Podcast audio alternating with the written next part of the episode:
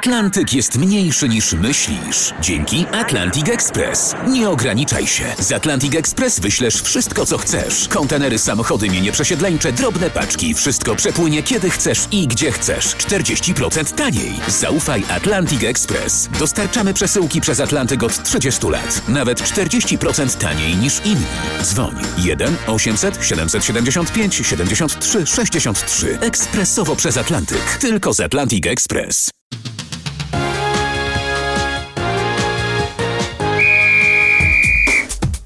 Dzień dobry, przy mikrofonie Paweł Pawłowski. Zapraszam na cotygodniowy magazyn sportowy RMFFM. A dziś coś dla fanów motorsportu, bo jesteśmy tuż przed startem najtrudniejszego rajdu świata. Mowa oczywiście o Dakarze, dlatego dziś porozmawiamy z motocyklistą Orlen Teamu Maciejem Giemzą.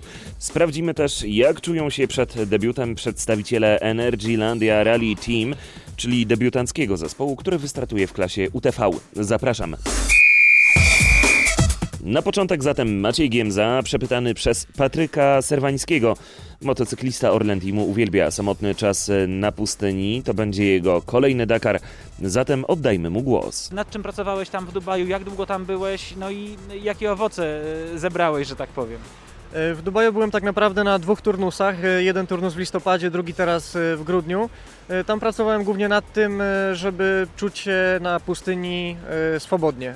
Jak najwięcej kilometrów na pustyni, ponieważ no, przez sytuację spowodowaną koronawirusem w tym roku kilometrów na pustyni nie zrobiliśmy dużo podczas rajdów, dlatego to był dla mnie priorytet. Oczywiście treningi na motocyklu uzupełniałem treningami na rowerze, były również treningi na siłowni. Na siłowni. Przez pierwsze dni towarzyszył mi Bartek z Marzlik, dlatego on na tym rowerze też mnie tam trochę przegonił, bo jest no, zapalonym kolarzem.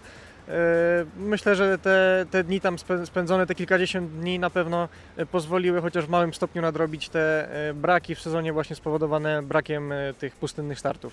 A jak myślisz, jaki wpływ może mieć na to, na ten Dakar fakt, że w ogóle tych startów nie mieliście dużo, a już na pewno nie było w ogóle jakichś długich startów, nie mówię w jakichkolwiek warunkach, jeśli chodzi o nawierzchnię i tak dalej, i tak dalej, bo tych długich startów praktycznie brakowało. Czy to może jakoś się przełożyć na to, co będziemy oglądać na Dakarze? Czy właściwie wszyscy jesteście na tyle wjeżdżeni i na tyle wiecie, o co w tym wszystkim chodzi, że to nie powinno odgrywać jakiejś roli? Myślę, że prawie wszyscy stoimy na, e, na równej linii startu i e, jesteśmy podobnie przygotowani. Dlaczego prawie? Dlatego, że część zawodników e, mieszka na pustyni, tak jak Argentyńczycy czy Chilijczycy, niektórzy Amerykanie.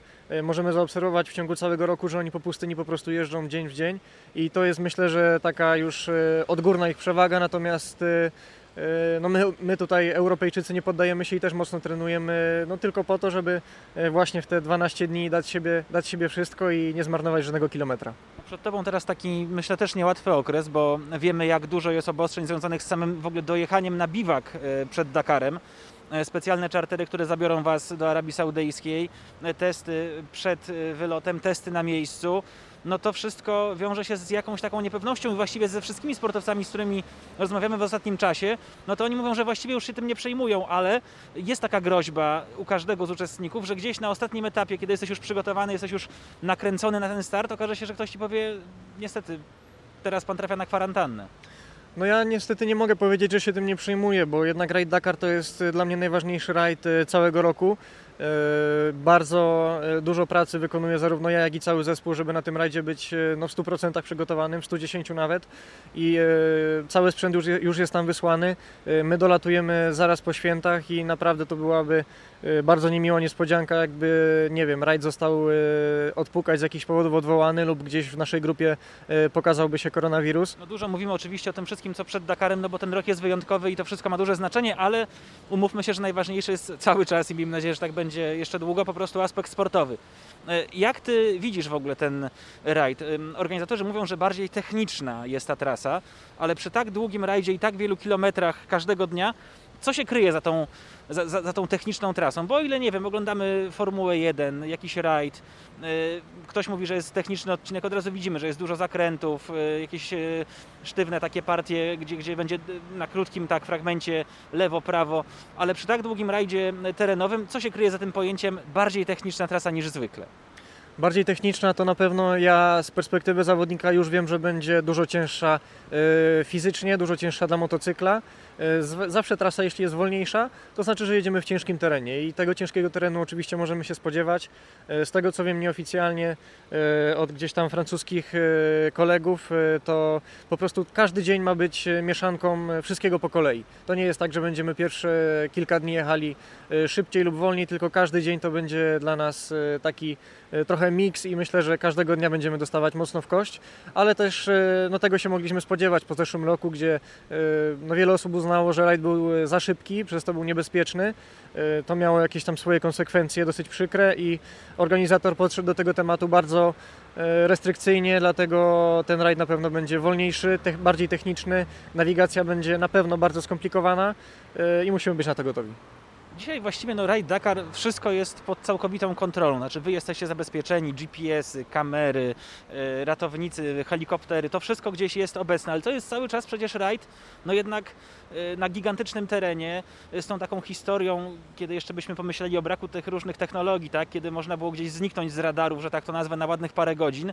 Mm, Jaki jest e, twoim zdaniem ten Dakar, jeśli chodzi o tą Arabię Saudyjską właśnie, bo mimo, że jesteście otoczeni tą technologią i, i dzięki temu też jesteście dużo bezpieczniejsi, łatwiej jest was śledzić wasze postępy, ale cały czas jest w tym rajdzie na pewno jakaś samotność na wielkiej przestrzeni, bo to tak musi funkcjonować. Jak ty to, jak ty w ogóle czujesz właśnie tak, tak ogólnie ten, ten rajd e, Dakar? No bo są załogi, w załogach jest trochę inaczej, a no wiadomo też, że się mijacie, wyprzedzasz i tak dalej, ale, ale w tym dla mnie jest jakaś taka samotność.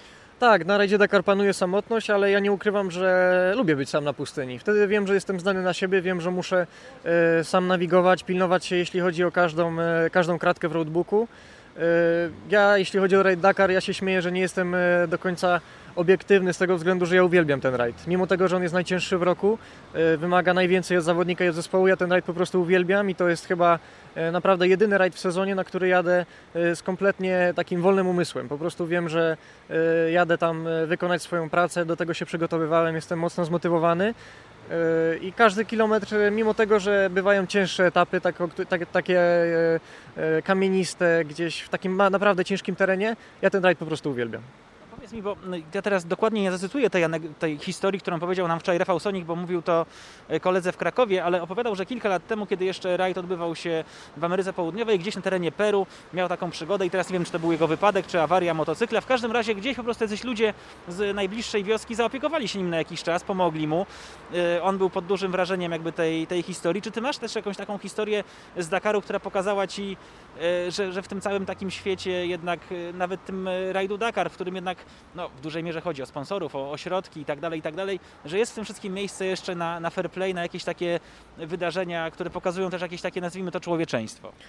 Tak, y, pierwszym przykładem takiego człowieczeństwa jest to, że y, nie za, nie za, niezależnie od tego, czy ścigamy się o pierwsze miejsce, czy o setne, gdy widzimy zawodnika, który się zatrzymał, który stoi przy motocyklu, nie daj Boże leży przy motocyklu, co by się nie działo, zawsze się przy nim za- zatrzymujemy. Nie, to nie, wynik wtedy przestaje być istotny, wszystko schodzi na drugi plan i wtedy trzeba po prostu zachować się jak człowiek. y, Nieważne, czy ta osoba y, nawet macha ręką, że jest wszystko dobrze, trzeba zwolnić, y, upewnić się, że wszystko jest w porządku y, i wtedy można, wtedy można ruszać dalej. Y, Można liczyć też na pomoc. y, No, ja już, y, to będzie mój czwarty rajd Dakar i przez te 4 lata udało się wyrobić jakieś tam fajne relacje z zawodnikami z całego świata. I ja wiem, y, że gdyby mi coś się przydarzyło na trasie, to są osoby, które byłyby w stanie siedzieć tam ze mną do momentu, aż nie przyleci y, oczywiście odpukać y, helikopter, żeby na przykład mnie zabrać na bazę, y, no bo to są naprawdę świetni ludzie. Maciek, to jeszcze chciałem Cię spytać, no bo sam już mówisz, to doświadczenie z każdym rokiem y, rośnie. No tutaj trasy oczywiście są stosunkowo nowe, ale cała ta otoczka, wszystko to, co się wiąże z tym rajdem, to jaki wysiłek to kosztuje. Więc jak Ty podchodzisz do swoich oczekiwań? No bo też y, im bardziej będziesz doświadczony, tym większe będą Twoje oczekiwania, ale też pewnie kibiców czy, czy, czy środowiska. Także y, oczywiście tym nadrzędnym celem jest meta po prostu, bo to jest przecież jeden z kluczy. Ale dla Ciebie pewnie sama meta to już, to już, to już nie jest y, aż takie wyzwanie. Nie, meta to już nie jest e, aż takie wyzwanie, bo e, tak naprawdę gdyby nie awaria motocykla w jednym roku, to e, myślę, że wszystkie, wszystkie Dakary miałbym zaliczone. Nigdy nie, nie odpadłem z, gdzieś tam z, ze swojej winy. Natomiast no, meta zawsze jest ważna, nie można, nie można o niej zapominać, tak? Gdzieś tam podejmując jakieś ryzyko. Natomiast, e, tak jak wspomnieliśmy, wspomnieliśmy czwarty Dakar i e, oczekiwania zarówno, zarówno, rosną zarówno e, moje, jak i kibiców. Ja, dla mnie wymarzonym wynikiem w ogóle wymarzonym wynikiem, jak zacząłem jeździć na Ride Dakar, to była pierwsza dziesiątka. Zawsze się mówiło, że pierwsza dziesiątka Dakaru to są naprawdę już topowi szoferzy. Na ostatnim rajdzie byłem 17. Pierwsza dziesiątka nie jestem w stanie czy, powiedzieć, czy jest w moim zasięgu. Wydaje mi się, że jeszcze trochę, jeszcze, jeszcze troszkę mi brakuje, natomiast Y, tym bardziej ten rok, no, nie, ukry, nie ukrywam, że nie pomógł, tak? Y, tym, że, że tych rajdów było tak mało. Y, natomiast no uwierzcie mi, że zrobię wszystko, żeby jak najbliżej tej pierwszej dziesiątki się znaleźć. Jeszcze dołożę jedno krótkie pytanie, bo to chyba z tego wynika też, co mówisz, że im, im ten Dakar powinien premiować tych najbardziej doświadczonych, bo oni już tyle widzieli, tyle przeżyli. Jednak dla tych mniej doświadczonych zawodników, a ty jednak cały czas jesteś w tym gronie, cały czas uczących się, można tak myślę powiedzieć, no to taki rok, kiedy tej nauki było mniej, to rzeczywiście może robić różnicę. Tak, myślę, że trzeba też e, pamiętać o tym, że, że ja mam 25 lat, tak? Tam 25-latkowie są zaliczani do tej grupy, którzy dopiero przyszli do tych rajdów, e, cały czas się uczą i, i zbierają doświadczenie, natomiast e, zawodnicy z takiej naprawdę topowej czołówki to są e, ludzie po 30. E, nie jest to żadne wytłumaczenie, bo ja chciałbym przed 30 e, zrobić już świetny wynik na rajdzie Dakar, natomiast znam też swoje miejsce i wiem na co mnie stać. To Maciej Giemza w rozmowie z Patrykiem Serwańskim. Ja natomiast zapraszam teraz na rozmowy z debiutantami. Marek Goczał, pilotowany przez Rafała Martona, wystartuje w klasie UTV w barwach Energylandia Rally Team. To będzie debiut na Dakarze w tej najbardziej obleganej, emocjonującej, no i szybko rozwijającej się klasie. Jak wyglądają samochody? Czym jest ta klasa, w której będziecie walczyć w Dakarze? Czym ona różni się powiedzmy od takich aut, y, jakim jeździ na przykład Kuba Przygoński? Yy, klasa, klasa T4 to są pojazdy SSV, to są lekkie pojazdy, które charakteryzują się tym, że bardzo fajnie się nimi porusza, mają bardzo duży skok amortyzatora. W mojej ocenie jest to najfajniejszy sprzęt, jakim, jakim jeździłem. Jest to jakby pierwszy krok do tego, żeby można później przesiąść się na samochód. Na pewno to jest dużo niższy budżet niż samochód Kuby Przygońskiego, bo on ma top topów, najlepsze co może być w najlepszej specyfikacji na rynku.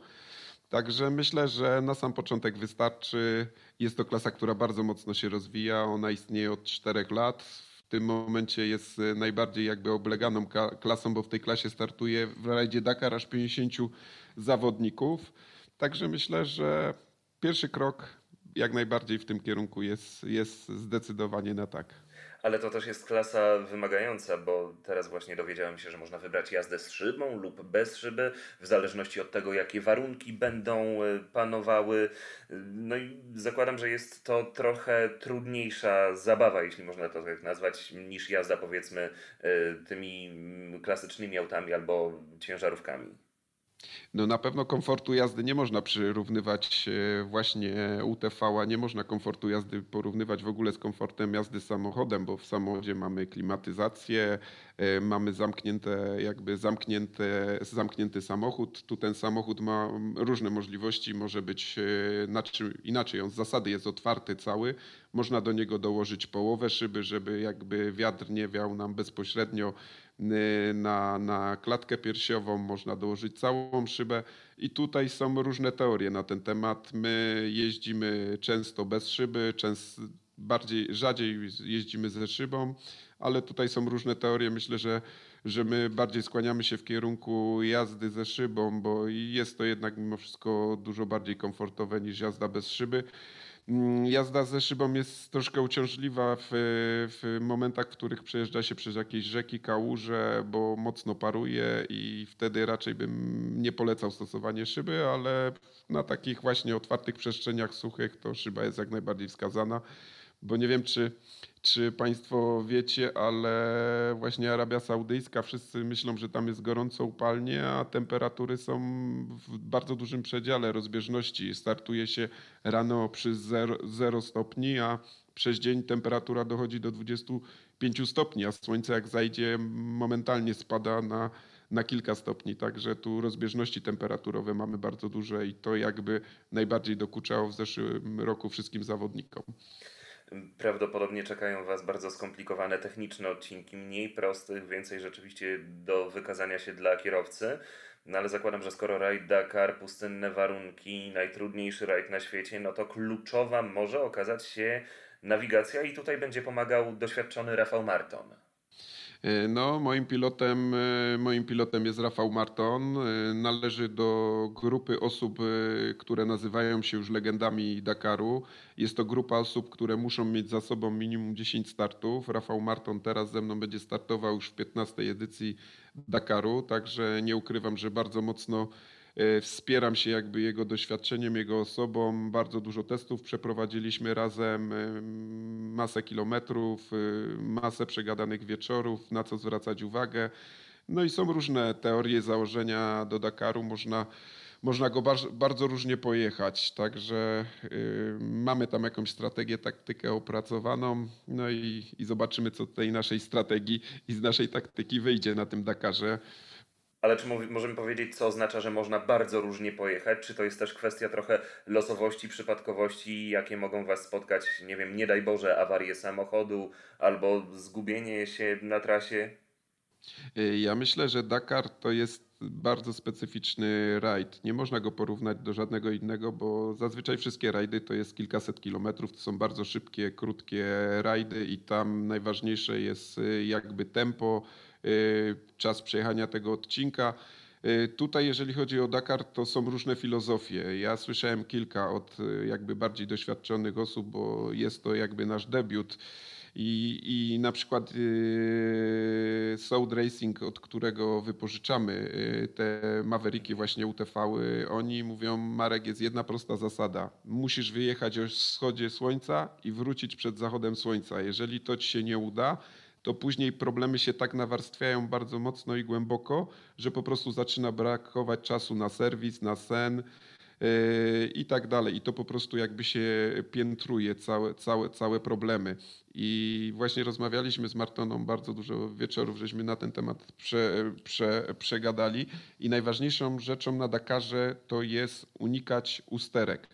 A żeby unikać usterek, no to, to tempo rajdowe trzeba troszeczkę obniżyć. Nie można jechać na 100%, bardziej trzeba jechać na 80-90%, żeby jednak w całości i ten sprzęt dowieść do mety, bo mimo wszystko 7,5 tysiąca kilometrów, z tego 5 tysięcy kilometrów odcinków specjalnych, to jest bardzo duże wyzwanie dla, dla UTV-a.